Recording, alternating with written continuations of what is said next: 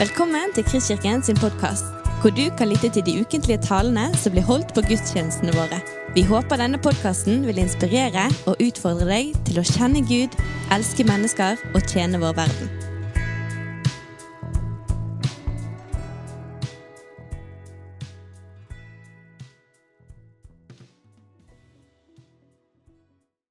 Jeg heter Elin Konstanse, for de som ikke vet det, og hører til her i Kristkirken. Og det er veldig fint. Og så kan man kanskje si at det er ikke om skal si at det er litt sånn skrekkblandet fryd at jeg står her. For eh, som eh, alle sikkert har fått med seg nå, ja, så er det jo pins, det, pinsedag i dag. Kanskje noen som oppdaget det sånn klokken fem når de sto utenfor butikken i går. Oppdaget at butikken stengte klokken fire. Så da skjønte man at stemmer, det er pinse, ja. Mm. Men så kan man kanskje spørre seg at ja, det er pinse, men hvorfor velger de hund til å tale på pinsedag? For at, nå må jeg kanskje si at ja, det er ikke så mye sånn pinse med hund, som jeg tenker i hvert fall. Og det kan jeg kanskje si meg enig i. Jeg er ikke noen sånn utpreget pinsekarismatiker. Kanskje, eller hvem er det, kan man òg spørre seg. Men jeg tror likevel at jeg har noe jeg kan si om Den hellige ånd. Og så kan jeg samtidig innrømme òg at jeg har hatt noen opplevelser òg der folk har opptrådt i Den hellige ånds navn, som ikke har vært gode. Og det tror jeg òg sikkert at det er flere her inne som har hatt. Som kanskje har opplevd både, eller kjent på skuffelse, kjent på frustrasjon. På ting som har blitt sagt og gjort i Den hellige ånds navn. For det er noe veldig skjørt og sårbart med Den hellige ånd i menneskers liv. Det er noe der de, det er veldig sånn intimt, kan man kanskje si, med de åndelige erfaringene. Og Da kan man kanskje tenke at ja, da hadde det kanskje vært best å bare holde seg unna Den hellige ånd. Fordi at Med Den hellige ånd så vet man jo aldri hva som skjer. Eh, og det kan jo kanskje være riktig òg. Vi vet jo egentlig aldri hva som skjer. Vi vet, vi vet ikke hva planer Gud har. Og det kan man kanskje si om både Gud Faderen, Gud Sønn og Gud Ånden. Men det vi kan vite, i hvert fall, det er at Gud vil oss godt uansett omstendigheter. Og det er både Gud Faderen, Gud Sønn og Gud Ånden. De vil oss godt. Så kom vi over da, i forbindelse med at jeg skulle forberede meg til denne talen, en undersøkelse som Christian Post Det er en amerikansk ja, nettside og kanskje til og med et blad. Eller var vel kanskje et blad.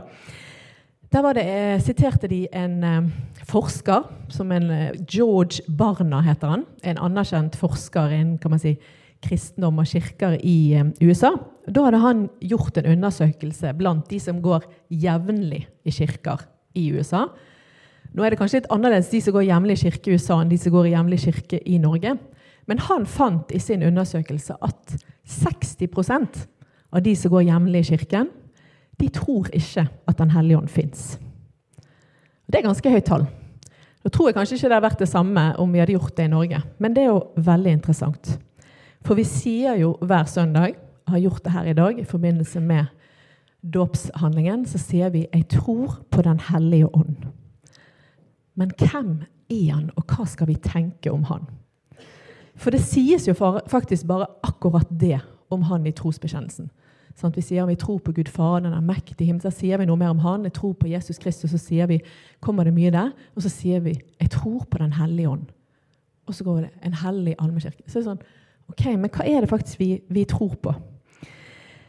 Så kan vi kanskje si at uh, at det er kanskje best å ikke snakke så mye om Den hellige ånd, egentlig. fordi at det er kanskje bedre å bare la han virke og se hva som skjer, og hva han steller i stand. Men eh, i den teksten jeg skal se på i dag, så kan vi se at eh, Jesus sjøl syntes det var avgjørende å snakke om Den hellige ånd. Og det er en sånn veldig sånn sjelesørgerisk omtanke i det Jesus gjør. Fordi at han forteller disiplene om det som skal komme.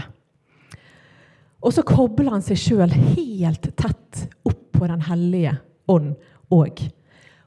og forteller om dette som skal gis i, sånn at det skal ikke være noe tvil i det hele tatt om at Jesus fortsatt er hos dem. Og så lover han dem et nærvær som bare kan ses med troens øyne. Og de skal ikke etterlates som foreldreløse barn.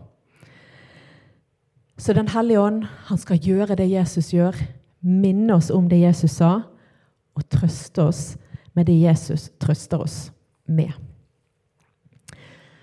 Så jeg vil jo tenke at pinsen den handler mye om Den hellige ånd. Og derfor vil jeg snakke om han. Men så er det sånn at når man går inn på å snakke om Den hellige ånd, så er det veldig kan man si, skjørt, som jeg nevnte her. Det er veldig sårbart. For det, vil være veldig mange momenter jeg ikke kommer inn på.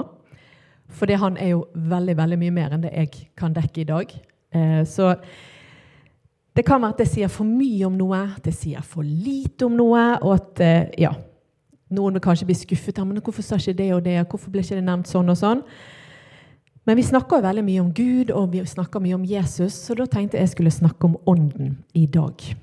For er han bare mystisk?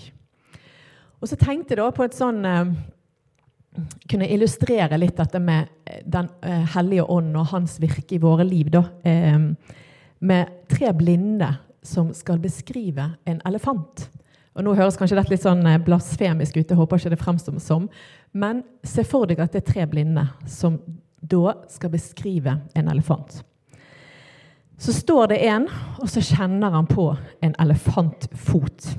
Så kjenner han, sier han liksom ja, men den er stor, den er hard, den er ganske ru, men den er skikkelig solid. Men den er vanskelig å holde rundt. Liksom, den kanskje nesten sånn kjennes ut som et tre. eller noe sånt. Og så står det en annen da, blind og holder på snabel. Så står han og kjenner på snabel. Liksom, ja, men den er liksom, ja, den er ru, men den er jo bevegelig. Og jeg kan holde rundt den. Og den er jo litt sånn, oi, der, den går litt sånn i alle veier. Og, og så står den siste blinde og holder der på halen. Og så sier han nei, den er mer sånn duskete, tynn som et tau og litt sånn fuktig. Og ja, veldig, veldig lett å holde rundt, sier han da. Og så har jo alle de rett, men de ser jo forskjellige deler av elefanten. Men hvis de holder fast på at ja, men, ja, men den er jo sånn, den er liksom stor, det går ikke an å holde rundt den. Og så står den andre med, med liksom halen med jo, men det går fint an å holde rundt den. Hvis de står der og tenker at den er bare sånn som jeg kjenner her og nå, så går de jo egentlig glipp av hvor stor og fantastisk denne elefanten er. Og kanskje det kan være litt sånn med oss og Den hellige ånd òg, da.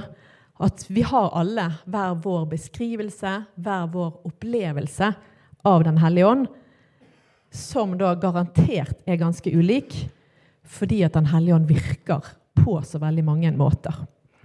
Men så kan vi ikke begrense den ved å bare beskrive den på én måte. Ja.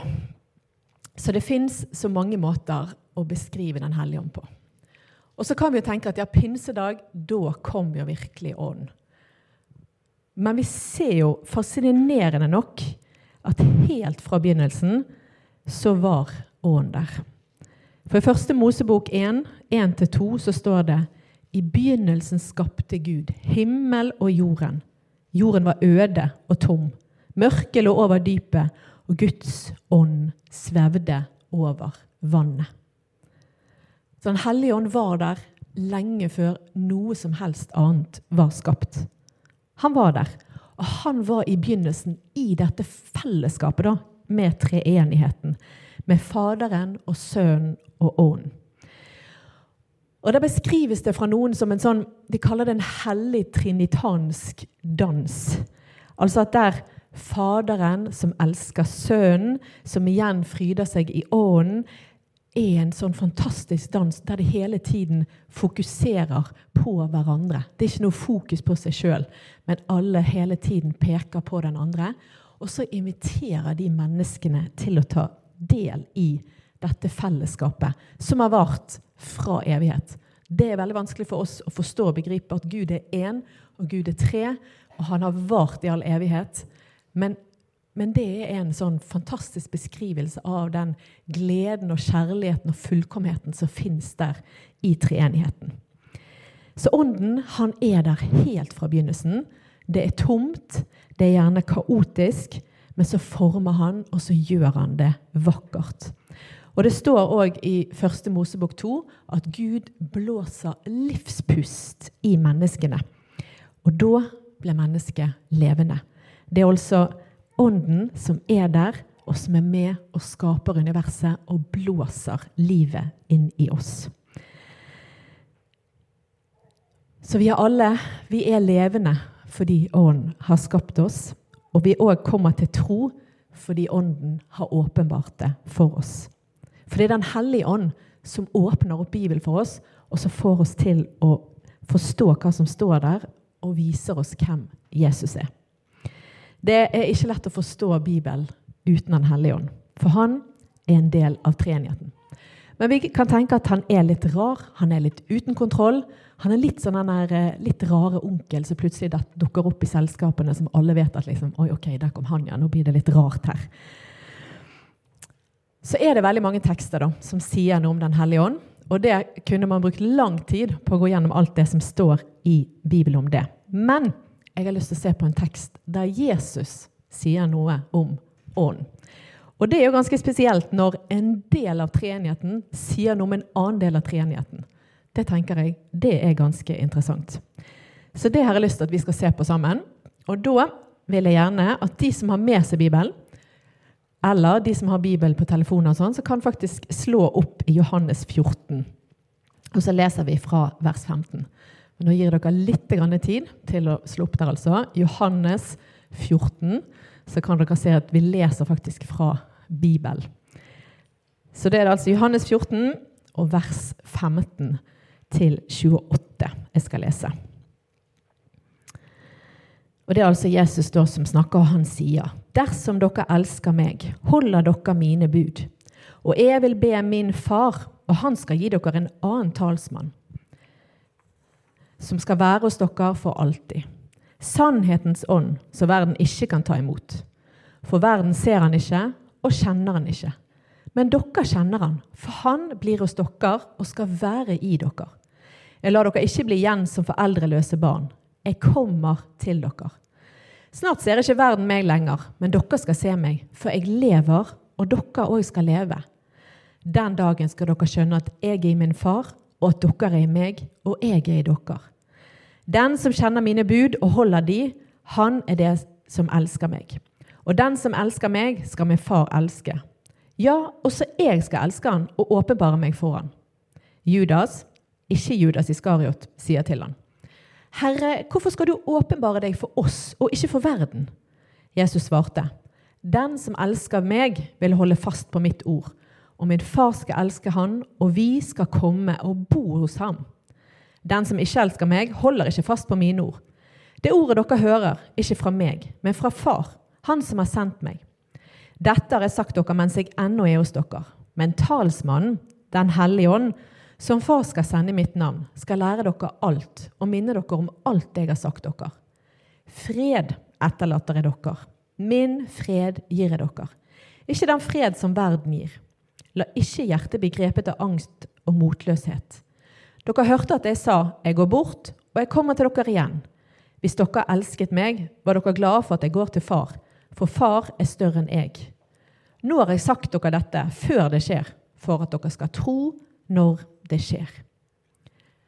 Det er ganske stilig. Jesus han er den som sier sjøl at han er den som kommer når han går. Han sier det. 'Jeg kommer til dere'.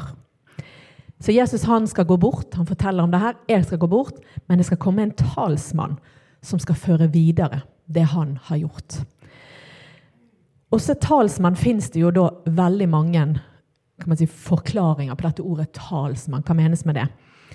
Og da er det forslag, eller ikke forslag, men det brukes eh, rådgiver, hjelper, trøster, advokat, saksfører.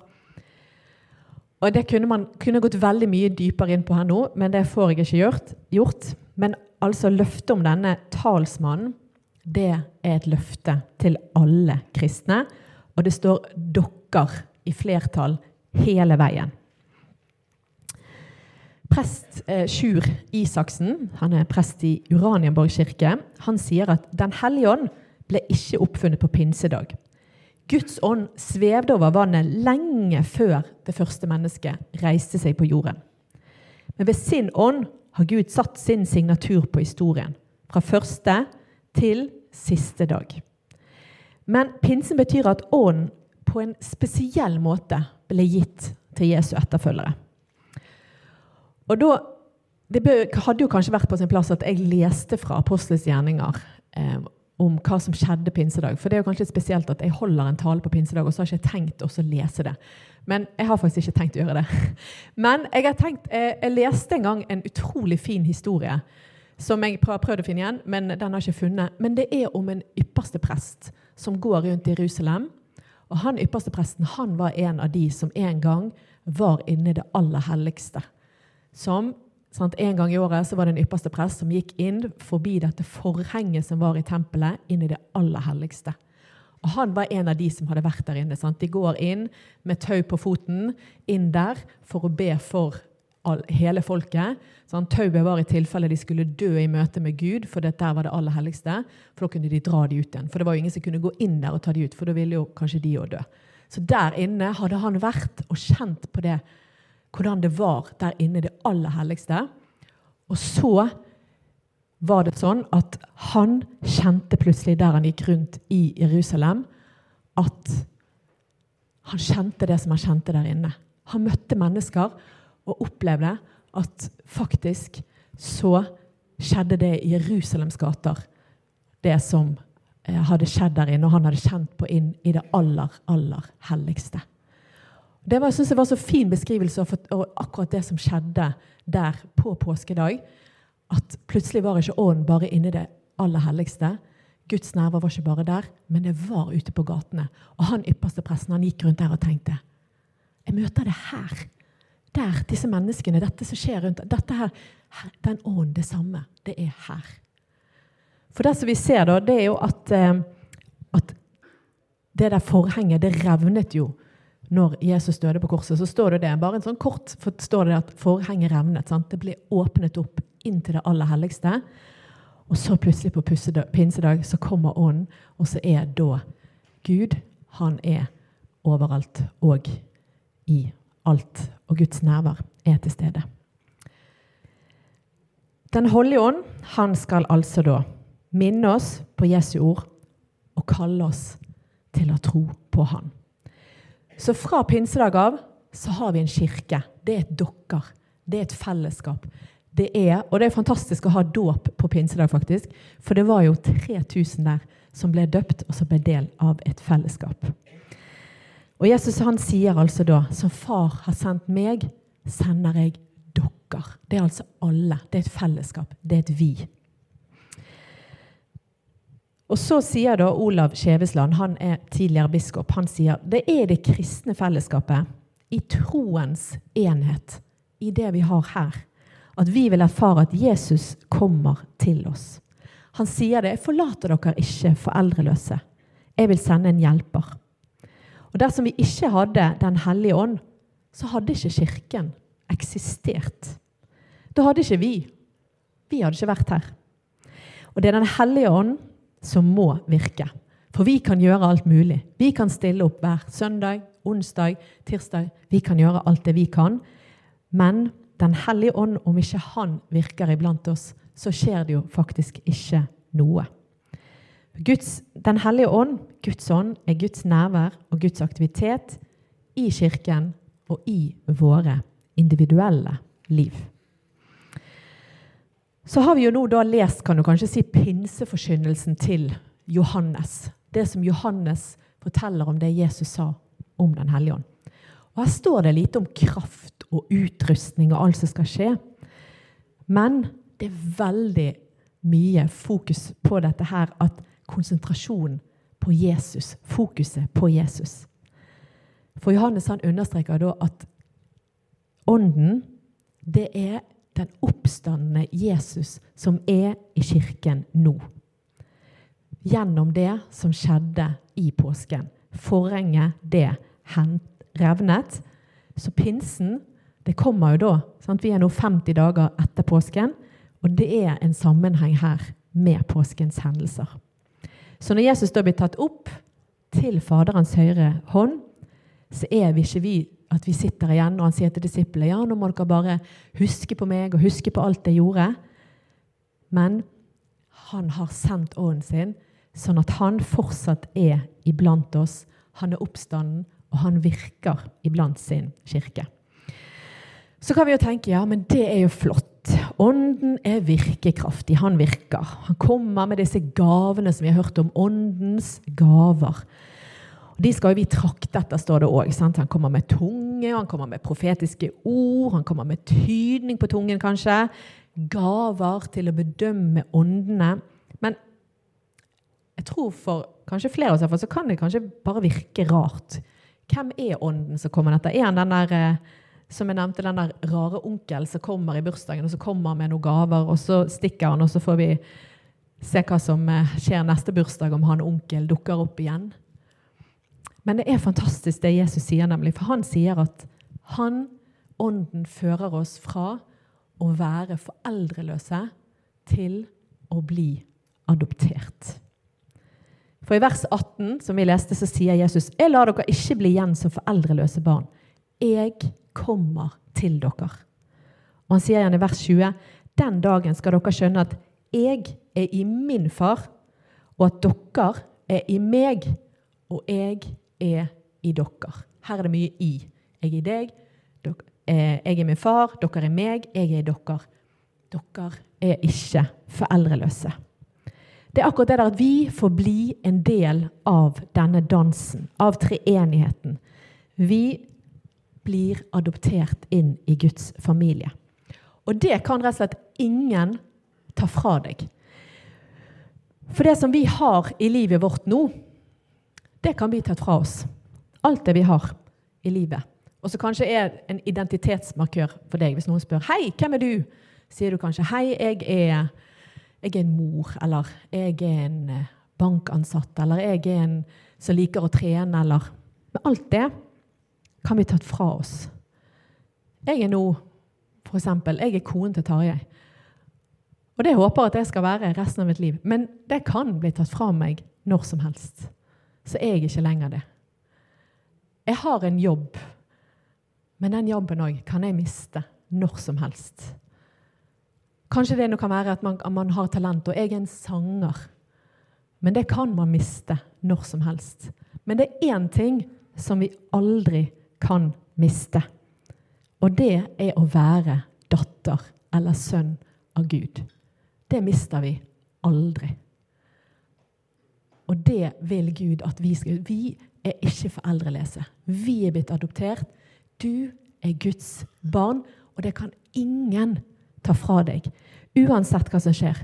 Ja, men du blir syk. Jeg er fortsatt Guds barn. Ja, men om du dør, jeg er da òg fortsatt Guds barn. Om jeg mister alle pengene, uansett hva som skjer, så er jeg Guds barn. Og det er faktisk min primære identitet. Så han setter oss fri fra det å være foreldreløs, og så gir han oss det at det er en som elsker oss, og som bryr seg om oss. Akkurat som Cornelia her på scenen. Kan ikke gjøre noen ting, men hun er datter av Jørgen og Kristine, og hun er elsket akkurat sånn som hun er. Så sier Jesus videre.: Den som kjenner mine bud og holder de, han er det som elsker meg. Og den som elsker meg, skal min far elske. Ja, også jeg skal elske han og åpenbare meg for han. Så er det litt artig at det står her Judas, men det er ikke Judas Iskariot. Han liksom, Johannes skriver inne at det var ikke Judas Iskariot, det var, det var meg, den andre Judas. Så fint at han får det med. da, at liksom, det, det, var, det, var, meg, Judas, men jeg, var ikke, jeg ikke han. Ja, sant? Han sier, 'Herre, hvorfor skal du åpenbare deg for oss og ikke for verden?' Og Da svarer Jesus, 'Den som elsker meg, vil holde fast på mitt ord.' 'Og min far skal elske han, og vi skal komme og bo hos han.' 'Den som ikke elsker meg, holder ikke fast på mine ord.' Og Det ordet dere hører, det er ikke fra meg, men det er fra Far, Han som har sendt seg. Aller inne kommer vi jo fra en familie. Eh, så kanskje da, når vi blir litt eldre, så ser vi at eh, vi ligner kanskje mer og mer på den familien vi kommer fra. Selv om vi kanskje har flyttet hjemmefra og, og vi lever våre egne familier og stifter våre egne familier. Og så ligner vi mer og mer, ser vi likevel. Og så prøver vi å ikke gjøre det, for vi vil ikke ligne på vår familie fordi vi kjenner til svakhetene ved vår egen familie. Men her, altså, vi får bli del av Guds familie. Vi får bli Guds barn. Og så kan vi begynne å ligne den familien. Men så kan man kanskje si at ja, ja, Guds familie det er jo litt sånn brokete og rare. og litt sånn eh, folk, vil man liksom, Skal vi ligne på de, liksom? Men vi får ligne Faderen, og vi får ligne Sønnen. For du, yes, Gud sier altså her da at hvis du elsker meg, så er du lydig. Men så kan man tenke oi, ok, det å være kristen det handler altså om disiplin. Og så er det den som har best disiplin, så blir den beste kristne. Og så vinner den liksom premien. Beste kristne. Den som kanskje til og med klarer å være ti på elleve i kirken, ikke ti over elleve. Fordi at å, det er det jeg klarer. Men det handler jo ikke om det. Det handler om kjærlighet. Men hva fører jo da kjærligheten til? Det fører jo til en disiplin. Og så kan det høres liksom Å ja, men eh, hva betyr det, da? Må jeg liksom, oh, må jeg vise at jeg har kjærlighet, så derfor så må jeg disiplinere meg? Men det er noe som kommer naturlig, da. Og det er veldig enkelt å ta kan man si, eksemplene med barn. da, men Ikke alle inne her som har barn, kanskje. Men idet du får barn, så fører det til en veldig sånn disiplin over livet. Altså, Hvem sto opp klokken fem frivillig? kan Man si, eller man gjør det kanskje frivillig, men hvem sto opp klokken fem om morgenen før man fikk barn? sant? Men så får man barn, så gjør man det. Og så får man litt struktur på livet fordi at man skjønner at ok, vi har det aller best hvis liksom, vi spiser jevnlig og vi sover jevnlig og sånne ting. da. Og så er det en disiplin der da, i kjærligheten som man egentlig ikke tenker over heller. Men man kan kanskje ta et annet eksempel som er lettere for alle å identifisere seg med. kanskje ikke alle da, Men det er gjerne mange som liker å trene. Sant? Og den treningen gjør at kanskje noen står tidlig opp om morgenen. Eller at man, fall, man klarer alltid liksom skvise inn en treningsøkt på et eller annet vis. Fordi at liksom, ja, men eh, jeg er så glad i å trene, så da får man det til. Og det er òg denne disiplinen, for det er denne kjærligheten til treningen og til ønsket om å, om å få trent. og så finner man en disiplin i det, og så strekker man seg langt. Og så ser man disse her da, som f.eks. løper fjellmaraton på torsdag, var det vel, i skikkelig dårlig vær og bare full av skit og alt. Men det som altså vi snakker om, det er jo dette her som Jesus han forteller om Guds ånd, om hvem han er, han som skal komme. Og det som jeg tenker er det viktigste, og det som jeg vil at dere skal sitte igjen med her i dag, er at vi er Guds barn at Ånden, han kommer og gjør oss ikke foreldreløse, men han gjør oss til, en, til at vi blir adoptert inn i Guds familie. Og det står òg det. Det står vi skal komme og vi skal bo hos han. Altså Han skal bo hos oss. Han skal komme, han kommer inn i huset vårt, uansett hvordan det ser ut. Inni alle kriker og kroker, uansett hvordan det ser ut i hjemmet vårt. Så kommer Gud, og så bor han her hos oss. Og så er det jo dette med ånd òg, som er så viktig å få sagt at Guds ånd, Den hellige ånd, han snakker konstant og ustoppelig om Jesus.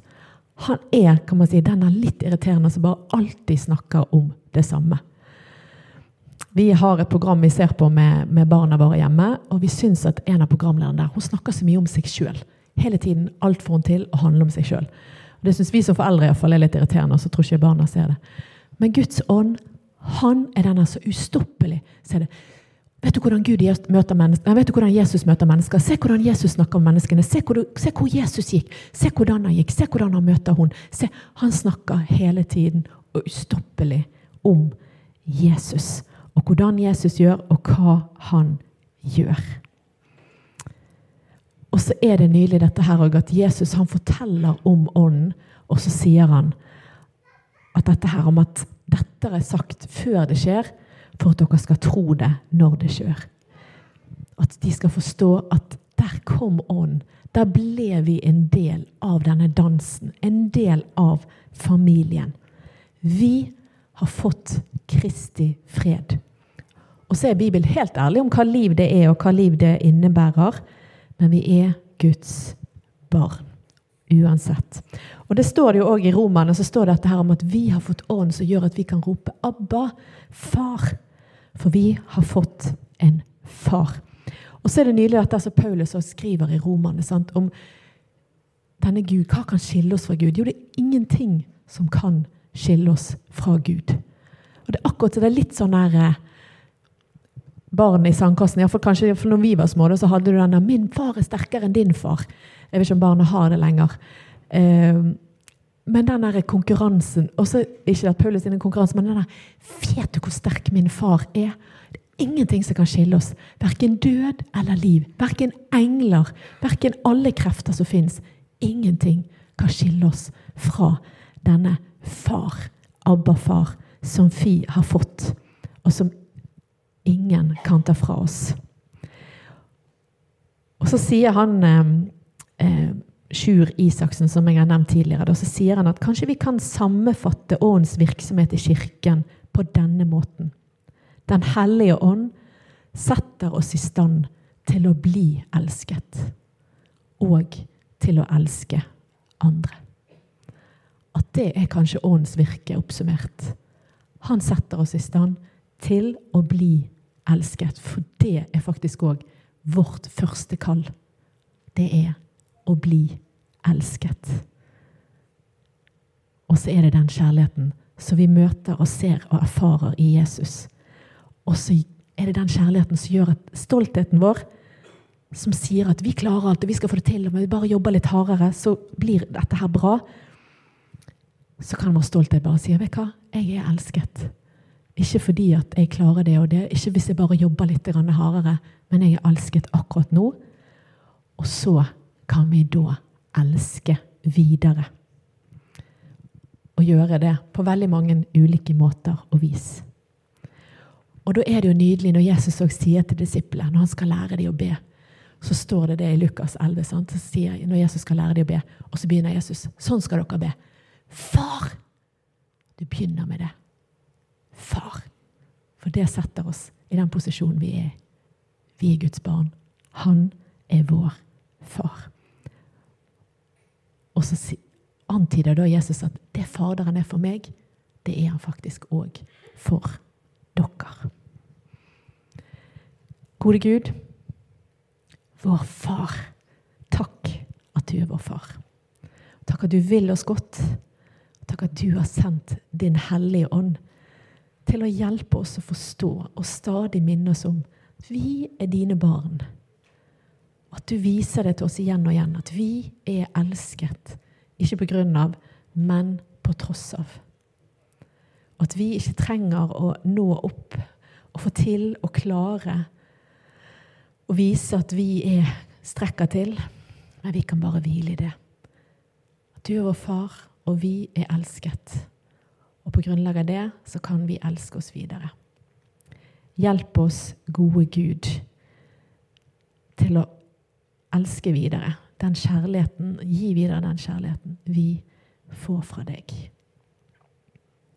Det ber vi om for ditt hellige navns skyld. Amen. Du har lyttet til en podkast fra Kristkirken i Bergen. Vi håper du har blitt inspirert og utfordret i din vandring med Gud. Vil du vite mer om oss, så klikk deg inn på kristkirken.no.